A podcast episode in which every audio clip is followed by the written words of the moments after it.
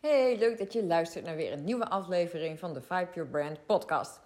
En deze keer wil ik het met je hebben over uh, het idee dat er nu is ontstaan van... ja, maar mensen willen nu niet, niemand gaat nu geld uitgeven... Uh, we zitten in economische malaise, uh, de algehele collectieve mineur zitten we natuurlijk middenin.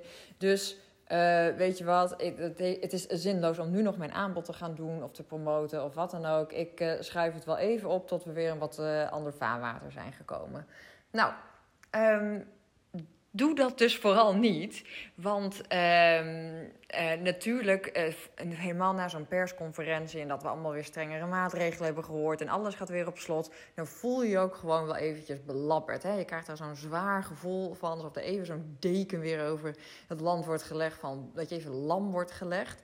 Maar als dat even is ingezonken, weet je wel, dan, dan denken mensen ook weer na over, ja, maar wat ga ik dan wel doen? Weet je wel? En, en dan hebben we juist behoefte aan mensen die die visie tonen, die zeggen, ja, dit, dit kun je dus wel doen, dit zijn de handvatten, dit zijn uh, dingen die je wel kunt oppakken, hier kan ik je mee helpen, ik reik je nu de hand. En daar zitten we nog steeds op te wachten. Dus denk niet van, oh, nou dan hou ik mijn aanbod maar stil, want ja... Uh, mensen willen dat nu toch niet, of uh, dat zal nu ook wel niet doorgaan. Maar je hoeft het niet voor iemand anders in te vullen. En ik denk helemaal nu in de maand december dat iedereen, uh, ook heel veel ondernemers, ook aan het nadenken zijn van. Uh, nou, wat ga ik nou uh, komend jaar doen? Wat is er afgelopen jaar goed gegaan? Uh, wat minder? En wat wil ik echt voor komend jaar, uh, ja, het komende jaar anders gaan doen? Wat wil ik dan aanpakken? heb ik daar hulp bij nodig? zo ja, wie zou me daarbij kunnen helpen? En dan, iedereen staat nu gewoon zo half open te kijken, weet je wel? Van wat wil ik dan komend jaar gaan aanpakken? En ehm, en ja, wat ga ik doen? Wie gaat me helpen? Dus je hoeft het nu alleen maar aan te bieden wat je hebt. Gewoon erover te vertellen, er enthousiast over te zijn. Hoe kunnen mensen met je in contact komen? Uh, wat, is er, wat is er nu mogelijk? En waar zie jij mogelijkheden? Weet je, wat zie jij voor de toekomst? En um, het is toch een valkuil waar je ongemerkt een beetje in gaat trappen. En uh, eerlijk gezegd had ik dat zelf ook een beetje. Hè, dat maandag na die persconferentie voelde ik me ook even loodzwaar.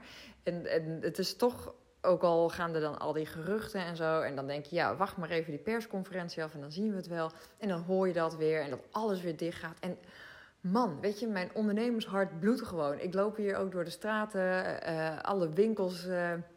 Ja, in Vietnam heb je gewoon veel kleine zelfstandigen ook. Die hebben hun eigen kledingwinkeltje of dat soort dingen. Ja, en dat ligt nu gewoon, dat ligt allemaal stil. En dat zijn niet de, grote ketens die uh, al een heel groot online bereik hebben. En die veel makkelijker even kunnen switchen naar, uh, naar hun online gedeelte, naar hun webshop gedeelte.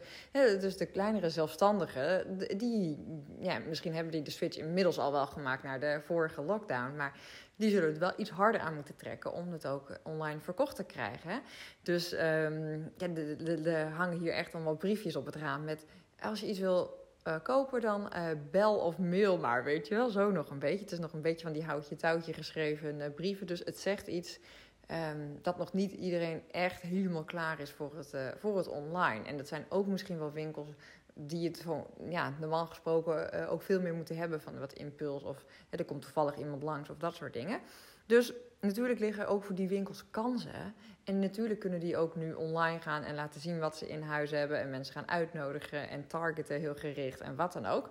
Alleen je voelt wel heel eventjes die sfeer van ellende. Van oh man, wat, wat voor beslissingen zijn er weer genomen. En uh, waarom moet nu alles dicht? En waarom moet nu alles dicht? En uh, et cetera. Maar goed, um, ik ben geen wetenschapper of scientist of een, uh, hoe noem je dat?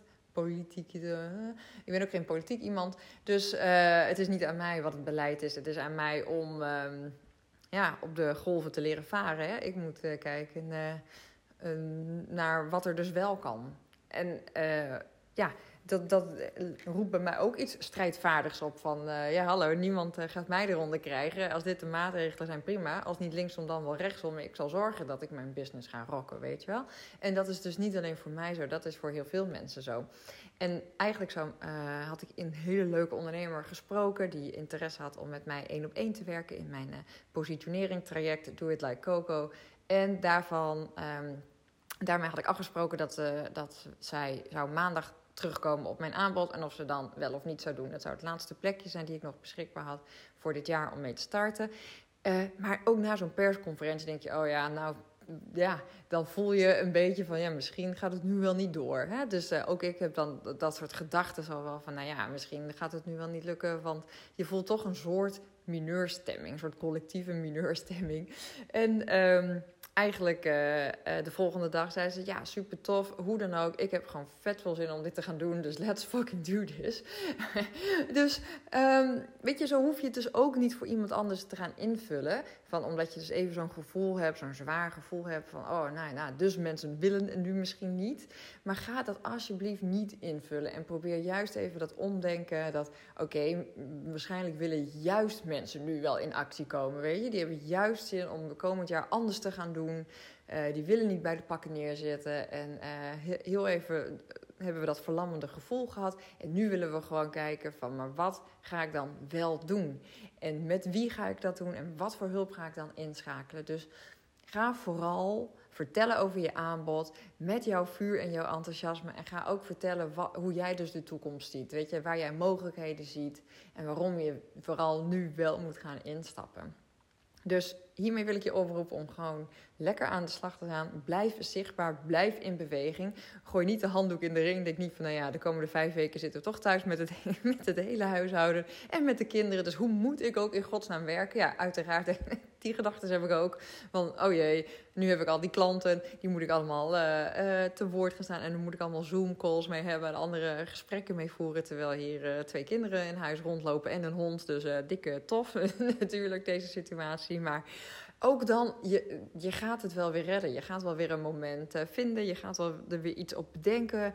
Uh, ik heb ze nu even snel uit logeren gedaan. Uh, zodat ik ook even nog aan het werk kan. Want daar heb ik gewoon heel veel zin in. En ik had al heel veel afspraken staan. En die wil ik gewoon graag laten doorgaan.